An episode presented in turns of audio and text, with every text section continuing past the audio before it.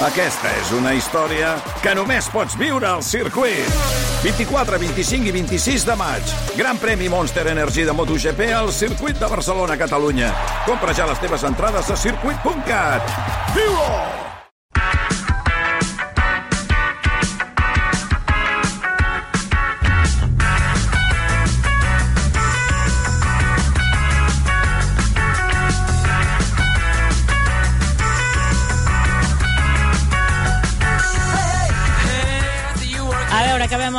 El programa d'aquest dilluns, com ja ho sabeu sempre, amb el No s'ha parlat prou, avui amb el Carles Fiter. Què tal, Carles? Bona nit. Molt bé, bona nit. I la Llucia Ramis. Llucia, bona, Bona nit. nit. Com esteu? Molt bé. A veure, Sí. de quin tema voleu començar parlant avui? Crec, Llucia, que tu venies a parlar una mica d'aquests premis a Anagrama. Ara. Que, que n'hem parlat abans també a, al sumari i que, de fet, doncs, tu també n'ets una de les protagonistes. El 2018... El vaig va rebre per les possessions, sí. Sí, sí, a més a més, eh, trobo que és un encert fer un premi al Blue Monday, no? El dia més trist del, de l'any, se suposa. Eh, hi ha com a mínim set persones que han estat molt contentes o han estat un dels dies més feliços de la seva vida. Jo ho recordo amb molta estima i molt de... També amb una, amb una mica de vertigen, perquè vol dir, eh, si, el va, si el vaig rebre per les possessions fa cinc anys, vol dir que fa cinc anys que no publico cap novel·la. I, i això em comença a neguitejar una mica. Com va això del premi? Explica'ns, eh, ara, ara potser t'estic desmuntant, No, eh? però, està bé, està però bé. Et, et truquen abans, ja t'avisen, ja ho saps, que com te n'assabentes que, que guanyes el premi? Uh, jo vaig presentar-me al tercer premi, o sigui, la, pre- la tercera edició d'aquest Premi Anagrama de Llibres. Uh, T'hi presentes tens com a termini en aquell moment, supos que continua sent igual, el dia 30 d'octubre, i per això es diu les possessions, de fet, perquè com que dos dies més tard era Tots Sants mm. i Dia de Difunts, per una mica per fer la conya, eh, se titula les possessions com a possessió infernal, com a moment d'això, i vaig fer una mica... El, el, el títol el vaig posar a l'aplica com una mica de, de broma, i al final el títol va quedar. es va quedar, sí. I es fa així, es presenta això a finals d'octubre i cap a, doncs això, a començaments, després de Reis, després de, de Nadal, t'avisen que s'ha reunit el jurat i que, bé, que estiguis per aquí el Mm, tercer, que és el tercer dilluns de, de, de Sí, gener, sí. uh, doncs que estiguis per aquí, no? El Blue Monday, que, que, que, que estiguis per aquí. I llavors uh, hi ha una roda de premsa al migdia, cap a les 12 o així, i que és quan es fa, s'anuncia qui ha estat el, el, el guanyador, i és molt emocionant. Llavors, eh, jo en aquell moment vaig rebre molts missatges... No? Però te'n vas assabentar per la roda de premsa, No, a la roda de premsa ja saps que ho ha... Ah, ja val, a dir, no? Perquè com que et diuen que estiguis per aquí, però... Te diuen que estiguis per aquí i poc abans, eh, uns dies abans, et diuen Val, que... val, que... que a veure, és que segons d'on hagis de venir Quan- corrent a la roda de premsa. No, quan t'avisen ja més o manco te fas una idea, no? I llavors fas aquesta roda de premsa al migdia, comences a rebre molts, molts missatges de, de felicitació perquè tothom s'assabenta en aquesta roda de premsa. De fet, clar, com que jo sóc periodista cultural, molta gent va veure la roda de premsa perquè es pensava que venia a fer feina, Mm, mm, o sigui, anava a fer clar. feina, i de sobte va ser molt, molt, bé, va ser, va ser una sorpresa, no? Va ser, va ser molt divertit. I al vespre hi ha això, hi ha sempre una, una festa a les set i mitja al bar del CCCB, Mhm. que ha canviat de nom durant tot aquest temps, i, i res, en aquesta festa, doncs, és quan es fa el lliurament del premi, que és una A d'anagrama de, de color plata, i la veritat és que els últims anys ha estat una mica eh, complicat tot plegat, no? Perquè, eh, L'any passat va quedar... L'any passat va quedar desert. I aquest any s'han presentat 90 obres, que m'han Sí. semblat moltíssimes. també ha pujat, eh, clar, abans eren 6.000 euros, 12.000, i ara ha pujat a 12.000 euros. Això és un bon incentiu, trob. No, uh, però, però a més a més ha guanyat, ha ha guanyat per unanimitat el consum preferent d'Andrea Genovart i, i és, un, és una novel·la que té molt bona pinta, clar, sortirà a febrer, al mes de febrer, no sé exactament quan, però clar, l'any passat va quedar desert, però fa dos anys, quan, quan el va rebre el Paul Guasc, eh, clar, era en- en plena pandèmia Clar. i no el va poder celebrar. Llavors, avui la festa d'avui era també... Que serveixi pels dos, no? Exacte, s'ha- dit això, s'ha comentat. I eh, l'any anterior, el, el, el 2020, febrer del 2020, o sigui, ai, perdó, el gener del 2020, faltava molt poquet per, perquè començés la pandèmia, perquè començés el confinament, però hi havia el temporal Glòria. Mm. Eh, el va guanyar Nana Vallbona aquell any i recordam molt bé el mal temps que feia. O sigui, començava just aquell dia el, el temporal Glòria, no? O sigui, que van sortir d'allà amb una ventada brutal. no sabíem tot el que, tot el que ens vindria després. Eh? Ara ve el Gerard, no? El, el Gerard. Exacte, Sí. no, no. Llavors, clar, o sigui, l'última festa que recordàvem era, era aquesta, la, la del 2020, i amb tot el que ens venia a sobre, no? I és l'última que es va poder fer. I no només això, sinó que l'any passat no, no va ser l'únic premi que va quedar desert, el- l'anagrama de llibres, n'hi va haver d'altres que també van quedar deserts, com per exemple el Documenta va quedar desert, el Premi Sant Joan va quedar desert, i el Premi Errale, també de l'editorial Anagrama en castellà, també va quedar desert. O sigui, l'any passat va haver quatre premis literaris que varen quedar deserts, no? que és un tema dels quals crec que no s'ha parlat prou. I creus que és per, per l'efecte? Perquè molta gent deia, mira, la pandèmia, molta gent s'ha tancat a casa, és un moment per escriure, però pot haver estat justament el contrari, no? Que potser ganes o moltes idees del teu entorn, de la vida quotidiana, tampoc no, no les tenies per poder-les expressar en un llibre. Es faltava alguna cosa, és a dir, que jo record perfectament, les, sobretot els primers 15 dies, que pensaves, ara és el moment de fer coses, no podia ni llegir, ja no escriure, Mhm. sinó ni llegir, era incapaç de, de llegir res que no fos informació, perquè estàvem com a molt ansiosos per veure què, què passaria no, durant la pandèmia. No va ser una bona... El confinament no és un bon... Un, semblaria que sí, no? Que, Sí, que seria sí, sí. ideal per als escriptors perquè estàs tancat a casa teva i tens temps per, per escriure i això. No va ser, en el meu cas, un, una bona època per escriure en absolut, o sigui, no vaig escriure ni una Home, línia. i això que ens deies ara d'aquests premis que van quedar deserts, ho exemplifiquen una no mica, sé no? si ve d'aquí, no, sé si, no sé què va passar exactament, però realment va ser una cosa bastant, bastant cridanera. I més hi ha una altra cosa, que és que el Premi Arralde es fa el primer dilluns de novembre, no? Si no cau el dia 1 de novembre, és el primer dilluns de novembre. I sempre es comentava que el fred arribava, o jo sempre ho comentava, que el fred arribava amb el Premi Arralde, no? Clar, com que l'any passat, eh, o sigui, l'any 2022, va quedar desert... No ha fet fred. Ah, exacte. És tot culpa del premi. Eh, Jo crec que haurien de quedar... És molt interessant això. Més premis haurien de quedar deserts. Hi ha vegades que penses... Ara penso però sobretot en coses de futbol, eh? Que dius, aquest títol no se'l mereix ningú. O, o alguns premis que es donen eh, no estaria malament. Que, que, que ho trobo molt valent de declarar un premi desert perquè no compleix uns mínims objectius. I que hi ha, altres vegades doncs, es donen premis perquè sí, i potser el, el que et ve, o el que li va bé, el que t'interessa... Sí, però també fa pena, no? Clar, té Bueno, com les dues Però, però tens, vessants, no? però de tens dir- una exigència. Jo, jo faria la festa encara que hagués quedat desert. Perquè realment Ens ha quedat clar que d'aquest premi l'important és la festa del Sempre. CCCB, De eh? totes les festes, de totes les festes, de tots els premis literaris, el que és important és la festa, perquè és molt divertida, mos trobàvem amb molta gent, mos trobàvem molts autors, trobàvem antics, eh, que, antics premiats, no? com per exemple Albert Forns, la Nava Ibona, també hi havia eh, el Pol Guasc, i hi era jo, no? no hi havia la Irene Solà, que va guanyar Sí. sí. amb, amb Canto jo en la muntanya de Valla, ni tampoc hi havia la Tina Vallès, però tots, tots els altres hi érem, i és guapo també retrobar-se, i, i és guapo doncs, eh, veure's, i una mica també xerrar eh, de, del que estàs fent. To tothom parlava, no? per exemple, hi havia l'Eva Piqué, que enguany publica llibre, eh, publica Aterratge, a Club Editor, també hi havia eh, l'Ima Monzó, que és membre del jurat, que també Mm. publica novel·la enguany, ara el mes que ve també. És a dir, que vas posant una mica al dia de tot el que, de tot el que ens espera eh, enguany, i, i és, és molt guapo. No? I en saps alguna cosa de, de l'Andrea Janovat?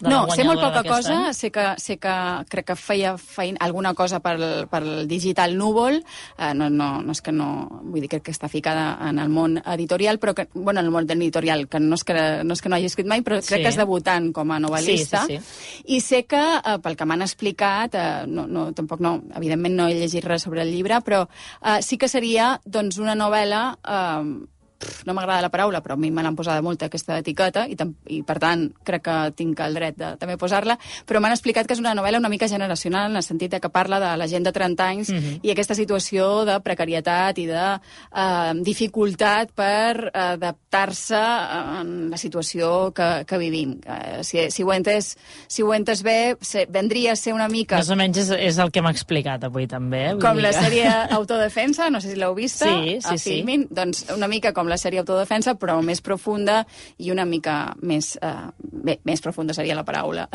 Doncs- però sí que sí que vendria una mica de- d'aquesta confusió, d'aquesta dificultat, moltes vegades que, que es troba la gent de, d'això, de, 30, un- de 30 anys fets Mm. uh, en un moment com, com el que vivim actualment. Doncs esperarem la publicació de- d'aquest llibre, Consum preferent, de l'Andrea Genovart, doncs, que avui ha guanyat aquest premi a Anagrama. Què més, Carles? A veure, doncs, de què no s'ha parlat prou? No s'ha parlat prou de Shakira i Piqué, no, és broma. Eh? Seria l'antítesi d'aquesta secció, perquè jo crec que tot el món ha sentit parlar d'això. Per tant, no, allunem-nos. És justament el que no volem en aquesta secció. I ja que estem en un món literari, perquè... Segur que li podríem trobar algun tema Sí, sí. associat que no, no se n'hauria parlat. I he estat donant voltes, però no. És que No, s'ha eh? s'ha parlat... S'ha trillat tot, eh? Tot arreu. S'ha tocat des de tots els vessants Ja, possibles. és que, és que tot.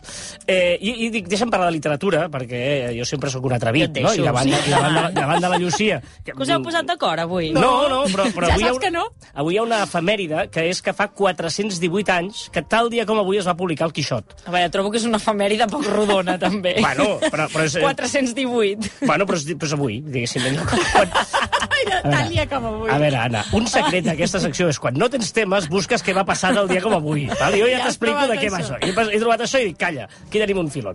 I uh, us l'heu llegit? 418. Us l'heu llegit? el- M'encanta el Quixot. Jo no me l'he llegit, Molt he de fan del. Quixot. El tinc, eh? El tinc, però... No. Eh, et compixes de riure, eh? És que tinc moltes ganes de llegir-lo, I mira però... que, que la meva mare és manxega i que No, no. allà al poble No i tot, que potser me tant l'hauria de llegir, però... promet. No, no, és que tinc, Molt. tothom ho diu, tinc moltes ganes, evidentment, és una- l'obra, és a dir, és el segon llibre més llegit de la història i més traduït, per tant... Per Després de la Bíblia, serà. no? Després de la Bíblia, clar, per alguna cosa serà, per tant, em ve molt de gust, i, però sempre fa com a mandra començar a llegir el No, Quixot. no, no, és que rius Però molt. faré. Objectiu d'aquest 2023. Que no te'n faci. El 16 de gener de 1605 es va publicar. No si sabíeu que es va publicar la primera part, perquè el Quixot són dues parts. Sí. La primera es va publicar el 1605 i la segona 10 anys després, el 1615. Val? Després ja es va publicar tot junt i és l'edició que ens ha arribat als nostres mans. De fet, la, la, la famosa frase segones parts no són mai bones es documenta per primera vegada el Quixot. A la segona part del Quixot hi ha un, un text on eh, diu de les coses de Don Quijote bastan las escritas i tal, i nunca segundas partes fueran buenas, eh, ho explica la segona part, perquè es veu que ja es comentava que no, no escriguis, que no serà bo, i era com la... Imagina't, eh, aquella època el Quixot, no escrit la segona part, doncs mira, diguéssim que van, van ser males previsions. Um, jo, el, el, el que m'ha fet gràcia és que... Tres curiositats, i aquí som per, per, per parlar-ne. Diuen que el llibre el va escriure a la presó. Ell era recaptador d'impostos a Sevilla, i llavors allà va haver com unes menes... Llavors va demostrar que era innocent, eh? Però eh, va estar a la presó i allà és on va començar a escriure el llibre. Bé, la famosa frase, que és aquestes meravelloses coses que passen al món, de ladran Sancho Lobo Cabalgamos, no surt mai al llibre, és com la de Volver a tocar Sam, que no surt mai a la pel·lícula de Casablanca, o, eh, eh, efectivament, no? Doncs, el Sherlock sí. Holmes també, Elemental, que Watson, sí. que tampoc surt a cap llibre. Doncs el, el Ladran Lobo Sancho Lobo Cabalgamos és d'un poema de Goethe del 1808 que diu «Pero sus estrientes ladridos solo son señal de que cabalgamos». Vull dir que és meravellosa com la cultura ens fa d'allò. I una cosa que m'ha fascinat, el llibre, això sí que ho sabem, tot el món sap, que comença en un lugar de la Manxa de cuyo nombre no quiero acordarme. Uh -huh. Doncs 418 anys després encara hi ha uh, dubtes de saber quin és aquest poble de la Manxa de cuyo nombre el bo de Quixot no vol acordar- No, no, recordar-se. I a més a més alerta que aquest no quiero acordarme no vol dir que no vulgui en recordar-se'n. És que no pot en recordar-se'n. És una manera que es, que, es, que es deia antigament de dir no sóc capaç d'en recordar-me'n del nom d'aquest no, de- d'aquest poble. No és que no vulgui en Ja, ja, ja, recordar-se, ja. saps? Doncs uh, hi ha un, el 2004, que es van celebrar els 400 anys de la publicació del llibre, un equip d'investigació de la Universitat de Complutense de Madrid va fer un estudi que tenia en compte el que explica el llibre, van calcular les distàncies en un mapa, van calcular que la velocitat d'un asa hauria de ser entre uns 30 i uns 35 quilòmetres al dia per poder fer una ruta, van fer una, una investigació i van decidir que aquest poble era Villanueva de los Infantes. I si aneu a la Manxa, No a prop de Ciutat. Real, a Villanueva de los Infantes, veureu que hi ha doncs, tot. Però, és meravellós, Espanya, uh, a Armagasilla de Alba, que Sí. està per allà, diuen que no, que són ells el poble de la Manxa, de cuyo nombre no puede recordarse l'amic Quixot, i argumenten que venia allà a recaptar impostos i va tenir una trifulga amb el uh, filla de l'alcalde de l'època, i que allò va acabar com el Rosari de l'Aurora, i diuen, ara aquí la Llucia m'ha desmuntat una mica l'argumentari d'aquesta pobra gent d'Armagasilla de Alba, que per això no se volen No se recordar volen perquè va recordar. tenir una trifulga amb la filla de l'alcalde, que l'alcalde d'aquella època es deia Don Rodrigo Pacheco, que es veu que la valia amb Don Quijote, i amb Miguel de Cervantes, perdó, i per això no volia És una novel·la molt postmoderna, Carai. és una novel·la que està plena de metaliteratura, hi ha moltes bromes internes, vas llegint i vas recuperant històries que ja, has, que ja han explicat abans, eh, te, te comença a explicar històries, les deixa mitges i les recupera recupera 500 pàgines més endavant. És molt divertida, rius tota l'estona, vos ho prometo. No, no, tinc ganes, com a objectiu d'aquest any, perquè és M'ho obvi... pens m'ho pensaré. No, però doncs, és una evidència, eh, no el llibre. Veres, de veres que és molt bo. És a dir, jo, no, Per com vosaltres, vaig començar a llegir a l'escola les, els trossos que t'obligaven a llegir pro- i prou, i després en una mudança, en una d'aquestes moltes mudances que he fet al llarg de la vida, eh, record perfectament que era una sala d'estar buida, i llavors havia d'anar col·locant els llibres, que és una de les coses més pesades que fas Sí. a les mudances, vaig agafar el Quixot i vaig començar a dir, bé, mem, perquè tothom en parla, no? I, i vaig començar a llegir-lo.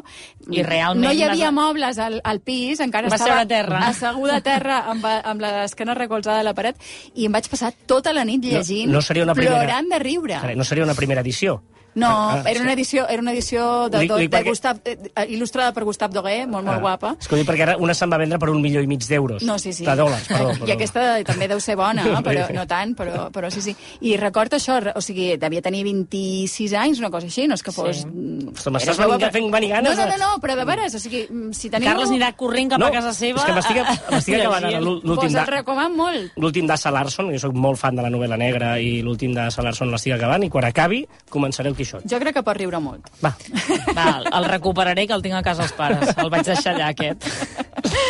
Va, Llucia, de què més no s'ha parlat prou? Mira, de la paradoxa de les tote bags. A veure. Sabeu el que són les tote Sí. bags, no? bosses, Les bosses de paper, ai, de paper de, de, de, de roba, roba. de roba, de sí. roba, obertes, amb dues nanses, que van sí. començar a posar-se molt de moda, sobretot a partir de l'any 2010. Prou, prou perquè, ja. perquè es No. van posar de moda.